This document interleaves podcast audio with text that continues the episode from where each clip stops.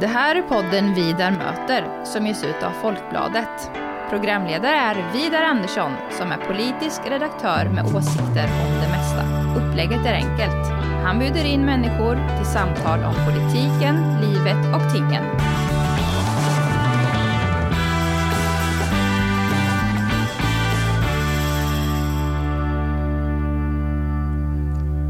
Välkommen till Vidar möter Muharrem Demirok. Välkommen till Vidar möter med Muharrem Demirok. Du är kommunalråd för Centerpartiet i Linköping. Det stämmer. Ja, och du har varit sedan 09 med vissa perioder. Ja, Avbrott. ja inte frivilliga avbrott då ska jag Nej. säga, utan eh, väljarmotiverade avbrott. Mm. Vi hamnar i opposition. Du kom in i politiken väldigt tidigt, för jag ska säga, eh, ni ser ju inte Muharrem här, men du är ung, du är 44 år. Enbart, och du har varit med i politiken eh, på ledande positioner sen du 2006, 5. Ja. Fem. Men du, du är uppväxt i Vårby. En av de där förorterna man talar om nu som Vårbynätverket. Då, som är Ja, plågat av kriminalitet. Men hur, ja, och ett tu tre så var du kommunalråd för Centern. Hur gick det här till? ja, men det... När man växer upp i förorten så är ju universitetsvärlden, den är, det är som ett Mount Everest. Det är väldigt eh, avlägset, det är någonting ouppnåeligt. Sen hade jag några bekanta, en generation över mig, som började glänta på den här dörren till universitetet. Jag, ingen i min släkt hade gjort det tidigare. Så, och kom in på universitetet. Och sen eh, var vi ett gäng kompisar så här, som började fundera på om inte det kunde vara någonting. Men vägen gick ju först via en del, eh, ja, till och med svartjobb inom krogbranschen och så i Stockholm. Man insåg att det här är ju ingen framtid. Och sen slängde vi på oss, sökte oss till universitetet och jag kom in i Linköping. Och till saken hör ju att jag är en stereotyp stockholmare, så jag visste ju inte riktigt vart Östergötland och Linköping låg, så jag fick slå upp det i en kartbok. Eh, och the rest is history. Jag hamnade här efter många år så... Efter att ha fikat med kompisar och tjatat om världen och så, så var det en kompis som sa till mig, jag orkar inte lyssna på det längre. Du borde gå med i ett parti. Och så började min resa, ett sökande. Eh, Ett år tog det för mig att landa i Centerpartiet. Och sen, ja, sen är jag, har jag varit här. Ja, får se.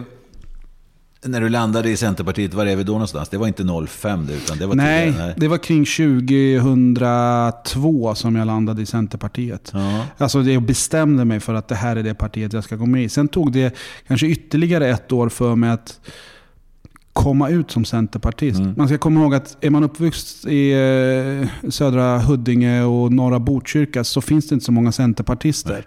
Och den enda jag hade träffat fram tills dess det var Olof Johansson som besökte vår skola. Och jag tyckte att han sa bara nej till allting. Han beskrev aldrig vad han var för, utan han, hela hans presentation på 40 minuter gick ut på vad han var emot. Och det lockade inte en ung kille särskilt mycket. Eh, jag ville vara med i ett parti som ville någonting. Och när jag började plugga här så kom ju Maud Olofsson in. Mm. Och hon beskrev ju inte så mycket vad hon inte ville, utan Mm. hon var duktig på att beskriva vad hon ville. Jag kan tänka mig att du föll för henne där. Ja, jag Ja. föll för henne. Jag är Ja. fortfarande, jag gillar Maud. Ja. Eh, vad var det utöver Maud? Minns du det som det var någon, var det någon särskild fråga? Eller var det mer en attityd? Eller vad partiet stod för på något sätt? Jag växte upp i en eh, väldigt vänsterfamilj. Man tyckte att eh, Vänsterpartiet, det var ju ena borgarbrackor. Ja. Och jag växte upp med eh, pappas kompisar som hade flytt från militärjuntan i Turkiet. Eh, väldigt eh, vänsterradikala. Och jag insåg när jag började växa upp och började på universitetet att Teoretiskt så lät det ju väldigt bra, jag gillade det. Men praktiskt så var jag ju någon annan. Jag trodde på eh, ett annat samhälle och så. Och jag började mitt sökande där. Sen var det ju det här med öppenheten som Maud Olofsson drev där. När hon så starkt tog fighten mot bland annat Göran Persson om social turism och de nya medlemsländerna. Och så. Det där tog så hårt eh, på mig. Liksom, så att det stod upp för någonting som var rätt. Även om man kanske hade opinionen mot sig. Och sen var det också det här synen på hela landet. För mig var det inte landsbygdsperspektivet eftersom jag var uppvuxen i en betongförort. Men jag kunde relatera till det där budskapet. För även om vår begård låg väldigt nära Rosenbad så var det ju minst lika långt från eh, vår begård till Rosenbad som ja, vilken ort i eh, in, Norrlands inland som helst. Det, var liksom, det mentala avståndet var enormt. Så jag kunde relatera till den där frågan att vara perifer. Mm. Vad studerar du för någonting här? Jag började studera eh, geografi. Och inte då kartor utan eh, naturgeografi, hur landskap och så är uppbyggt. Och eh, där väcktes mitt eh, intresse för miljö och klimat väldigt mycket. Mm. Sen fortsatte jag eh, med att plugga det som säkert många politiker har pluggat, statsvetenskap. Mm. Eh, och Ingen examen? Jo, Ja, jo då, Ja. absolut. Ja, jo, jag tillhör den kanske udda kategorin som faktiskt har examen och eh, även tagit masterutbildning. Och så. Så, så examen har jag. Eh, och både utlandsstudier och allt möjligt. Så jag är en stolt innehavare av en akademisk utbildning. Ja, härligt. Och nu sitter vi här i, eh, säger ni rådhuset eller stadshuset? Stadshuset. Ni säger stadshuset här ja. Och eh, i Linköping. Och eh, nu är det så att förra gången det var val 2018 så var du tvåa på riksdagen. Eller du var i alla fall inte först på riksdagslistan. Ja, jag var två. Du, du var tvåa. Jag var tvåa. Och eh, jag tittar på uppgifterna. Du fick ett antal personröster, nämligen 1175 stycken. Och du skulle behövt några till för att nå upp till 5 procent att man flyttar sig upp på listan. Det var, det var väldigt nära. Du fick... Eh, fy- 84 kryss för att vara exakt. Ja. Men Ma- Magnus Ek, han som sedan vann, som stod överst, han skuggade riktigt där också. Han hade fyra, Ja. det, det skilde några tiondelar egentligen. Ja. Väldigt nära. Mm, du var väldigt nära. Varför, varför ville du bli riksdagsman då? Eller ledamot, ska man ska säga. Man kanske börjar med att säga att jag, blev, jag är väldigt glad att det föll ut som det gjorde. Eh, det är kanske är fel att säga och jag vill absolut inte låta otacksam till alla de som då röstade på mig. För jag behöver deras röster den här gången också. Men eh, jag var personligen kanske inte redo med familjeförhållanden och så att ta det klivet. För jag hade fortfarande småbarn. De har ju vuxit upp nu och sköter sig bra. Men jag såg en tendens då, och den har ju förstärkts ytterligare nu, att riksdagen höll ju på att utvecklas till en sandlåda. Ehm, och även liksom under, de, under alliansåren eh, där så började man ju se att det gick inte att styra Sverige. Det gick liksom inte att få, man hittade inte lösningen på de stora strukturella frågorna. Man lyckades göra konflikt av saker som tidigare kanske hade varit hygienfrågor. Jag menar, I ett land där man lyckas göra bostadspolitiken till en oöverkomlig fråga som till och med skapar regeringskriser. Ja, då börjar man fundera på hur vi överhuvudtaget kan få någonting gjort. Hur ska man lösa försvar och energifrågor om man inte lyckas lösa bostadsfrågor? Som uppenbart är en problem i alla kommuner oavsett vilket styre det är. Eh, och det var lite det där att jag, jag kände lite, och det kanske är lite pretentiöst att säga, men ingången var man behöver fler kommunalråd i riksdagen som får saker och ting gjort. Eh, och vi kanske, är du medborgare så kanske du har ett, en känsla av att vi inte är ett under av snabbfotad eh, leverans.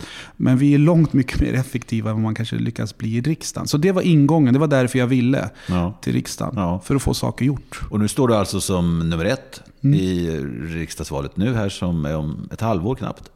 Och eh, du, du känner dig mera redo då att ingå i... vad- Vi ska väl säga här i Linköping så styr en klassisk borgerlig Allians. Ja. Mm. Vi kallar oss till och med Allians för Linköping. Ja, och ni är fyra partier. Vi är fyra partier. Och har majoritet? Nej. Nej, Nej. vi, har en, eh, vi saknar ett mandat för att ha majoritet. Men Mm. som tur var så har vi ju fått ett antal avhopp från andra partier och vildar som har gjort att nu har vi en majoritet i princip. Mm, mm.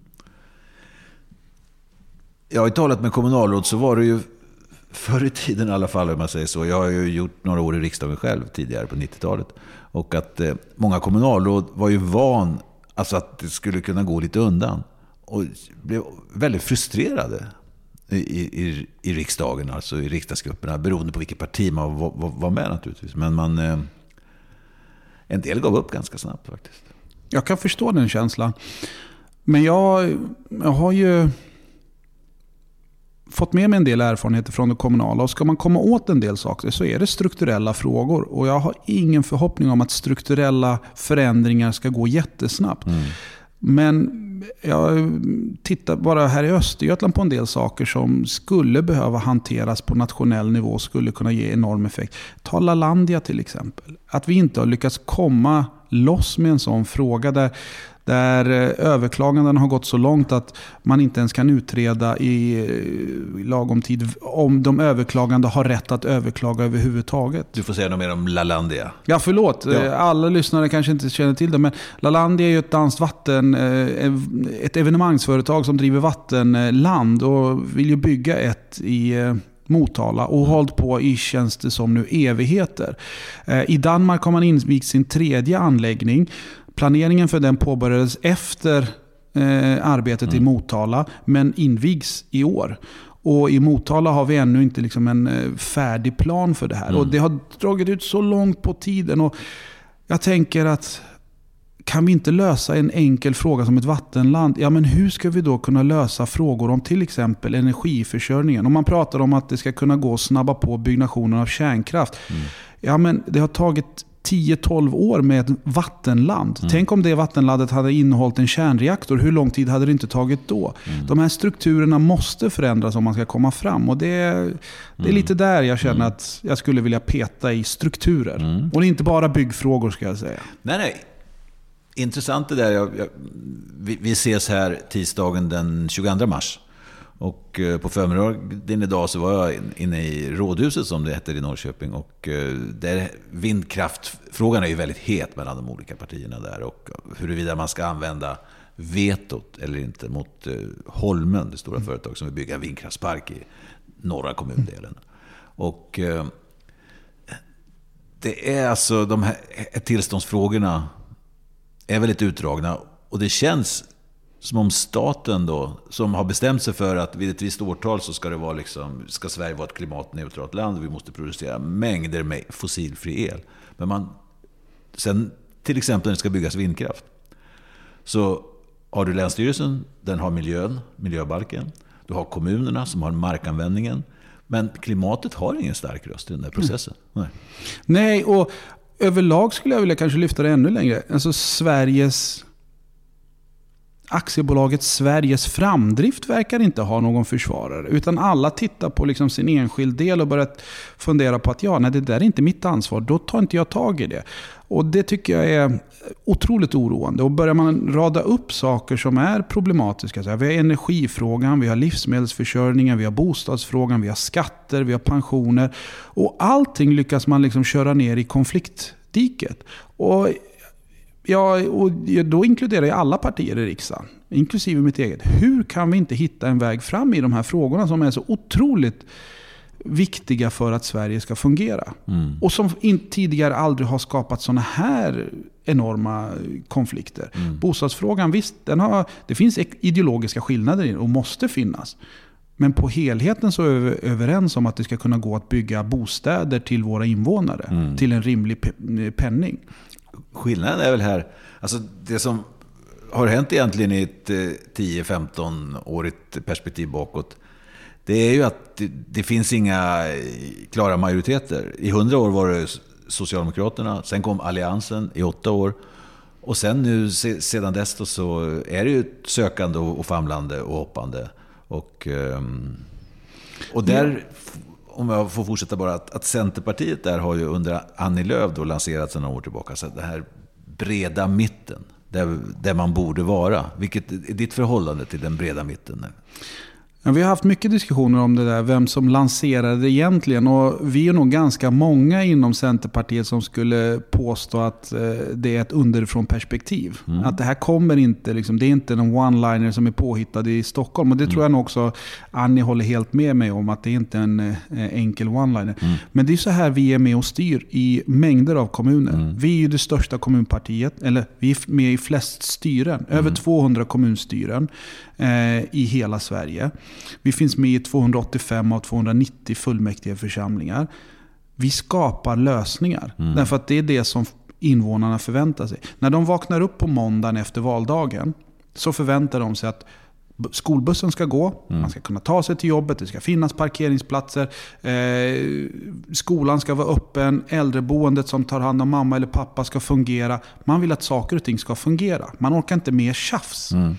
Och enda sättet att få det att fungera det är att hitta lösningar. Mm. Och tittar man i Östergötland så har vi ju, vi sitter med i 11 av 13 kommunstyren. Vi har i princip alla möjliga konstellationer. Mm. Eh, förutom med Sverigedemokraterna mm. i Östergötland. Och det är därför att vi har gjort det som krävdes. Vi hittade lösningar där andra inte ville medverka till det. Och därifrån kommer den breda mitten. Mm. Det är inte ett sätt att försöka positionera sig och säga att ja, men, vi är en egen kraft eller någonting sånt. Utan det handlar om att hitta lösningar. Mm. Nej, jag är tilltalad av eh, bilden av mitten där. Och de allra flesta i Sverige, vi har levt i fred väldigt länge, tack och lov. Och ett välstånd de sista 80-90 eh, åren. Så vi ingår ju i mitten, de allra flesta. Ja. Ja, men ytterkanter, eller hur? Extremerna är väldigt små, eller hur? Vi är ju, är ju förskonade från mm. värsta extremismen nästan. Precis. Ja. Så i den bilden ligger det ju väldigt mycket. Men det, det verkar väldigt svårt att få någon verkstad av det i rikspolitiken. Ja, men jag tror att någonting händer just nu. Och jag tror att det är flera riksdagspartier och framförallt partiledare som börjar fundera över vilka master man har surrat sig vid. Mm. Eh, därför att när man nu börjar se att saker och ting har helt plötsligt tagit en annan vändning. Helt plötsligt så är det inte bara olika avdrag och olika sakpolitiska frågor här och nu som är på agendan. Utan för första gången på väldigt, väldigt länge så hotas vår nationella säkerhet. Mm. Och då börjar man fundera på vad hur man ska få ihop olika styren. Och jag, börjar ju, jag undrar ju faktiskt hur vissa av mina gamla allianskollegor nu funderar på den masten man har surrat sig vid med till exempel Sverigedemokraterna. Därför att när det kommer till kritan, är det någon man vill sitta med i Rosenbad och försvara Sverige tillsammans med? Eh, och samma sak på vänsterkanten när man börjar fundera på att ja, det kanske går att förhandla med eh, vänstern och få in dem och de kanske har blivit lite rumsrena och den där Nooshi verkar ju ändå lite eh, cool och dragig under galoscherna på. Ja, men sen när det kommer till kritan så vågar man inte stå upp för eh, de viktiga principerna. Så fort det klämmer till lite så kommer 68-generationen fram ur garderoben och spökar för Vänsterpartiet. Och då inser man att de två partierna går, går ännu inte att ha med i något styre. Det funkar inte och då måste man hitta varandra i mitten. Annars kommer vi ha ytterligare en bortkastad mandatperiod där vi inte löser energifrågan, livsmedelsförsörjning, bostadsbyggande, skola och allt det här. Mm. Det kommer inte lösa sig. Utan vi kommer pajkasta med varandra och ändra lite i marginalen och inget blir gjort. Mm. Så du är, om, för att använda dina ord, du är surrad vid den masten, så här, vid ytterkant, att man ska hålla dem eh, Alltså det, det resonemanget från januariavtalet, att Vänsterpartiet och Sverigedemokraterna ska hållas borta från allt inflytande. Ja, och för mig, är det, för mig är det både en principfråga men det är också en praktisk fråga. Därför att av åtta partier i riksdagen så finns det en hel värld av möjligheter som jag ser det bland de sex partierna som ändå inte är ytterkanterna. Och i kommunerna så funkar det här, i regionerna funkar det. Det borde funka. Och jag kommer, ja, vi är många som har blivit kallade naiva inom eh, Centerpartiet för den här hållningen. Och vi är många som har blivit eh, utmanade att ja, men så där funkar det inte. Ni måste välja höger eller vänster, punkt slut. Det finns inget annat. Ja, men om världen bara såg ut så att det bara mm. fanns två val, då skulle, det, eh, då skulle vi inte behöva eh, den, det demokratiska systemet som vi hade. Då hade vi kunnat ta USAs modell mm. och köra med ett tvåpartisystem. Och så funkar det inte riktigt. Men det är nog en väg kvar innan vi landar i ett, eh, i ett rent mittenstyre. Men jag tror mig se och jag tror mig ana att det finns fler och fler öppningar som har skett den senaste tiden. Med energifrågorna, med drivmedelspriserna och framförallt hotet från Ryssland. Så mm. öppnar det för en, eh, en sundare förhållning till varandra. Mm. Du, det ska bli intressant att följa dig och arbetet med mitten där, hur det går. För förr eller senare så, så, kommer det ju att sätta sig någon form av nya regeringskonstellationer som är lite mer hållbara, förmodligen.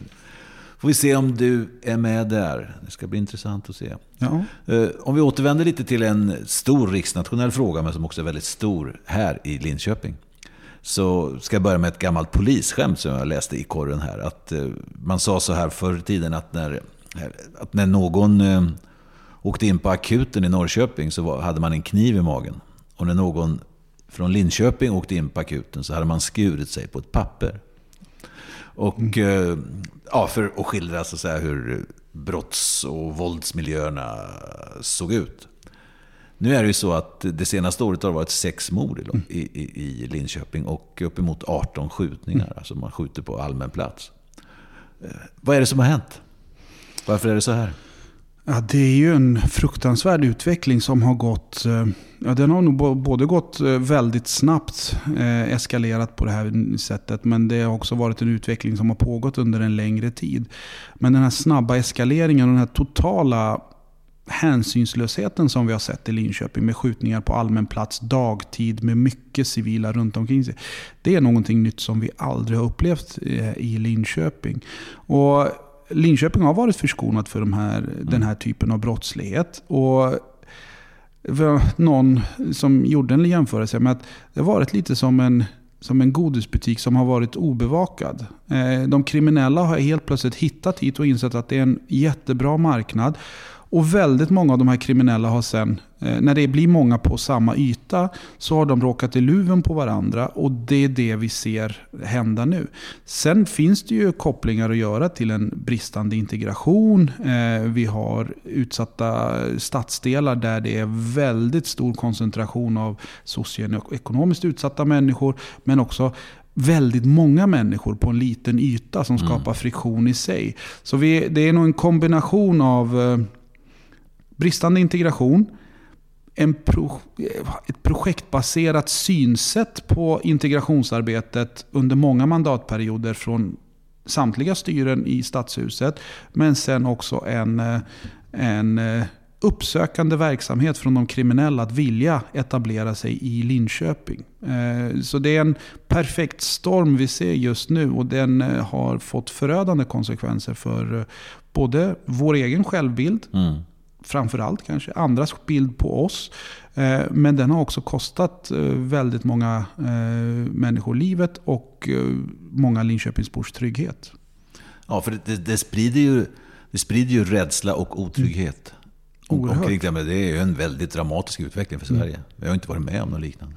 Nej, det här är oerhört dramatiskt. Och när man ser vilka som skjuter och vilka de skjuter. Det är unga pojkar. Mm knappt, eh, knappt vuxna, alltså med fjun på överläppen som tar till sånt enormt övervåld. Totalt hänsynslöst. Ingen respekt för andra människors liv. Och väljer att ta en annan människas liv. En ung människas liv. En tonårings liv. Mm. Alltså den här hänsynslösheten, förutom det liksom överlagda våldet totalt sett. Den, jag har svårt att ens greppa att, det är, att vi är invånare i samma kommun. Mm. Det är mm. svårt att förstå att vi, vi är uppväxta upp eh, och lever i samma kommun när man har otroligt olika syn på liksom ett människolivs värde. Mm. Eh, och där, ja, den utvecklingen har gått väldigt snabbt och är extremt allvarlig. Och det är också en av de här frågorna. Här gäller det att hitta varandra både lokalt och nationellt i det här. Och lokalt tycker jag att vi har våra små meningsskiljaktigheter, samtliga partier, men alla sluter upp bakom det här. Att mm. nu, är det, nu är det nog. Det säger alltså Muharrem Demirok som är kommunalråd för Centerpartiet i Linköping och som också är riksdagskandidat. Och står som nummer ett eh, på listan. Och eh, vi har egentligen gjort av med våran tid här Muharrem. Vi har det, vad ja, synd. Ja. Det, Precis när vi börjar komma igång. Ja, precis. Men eh,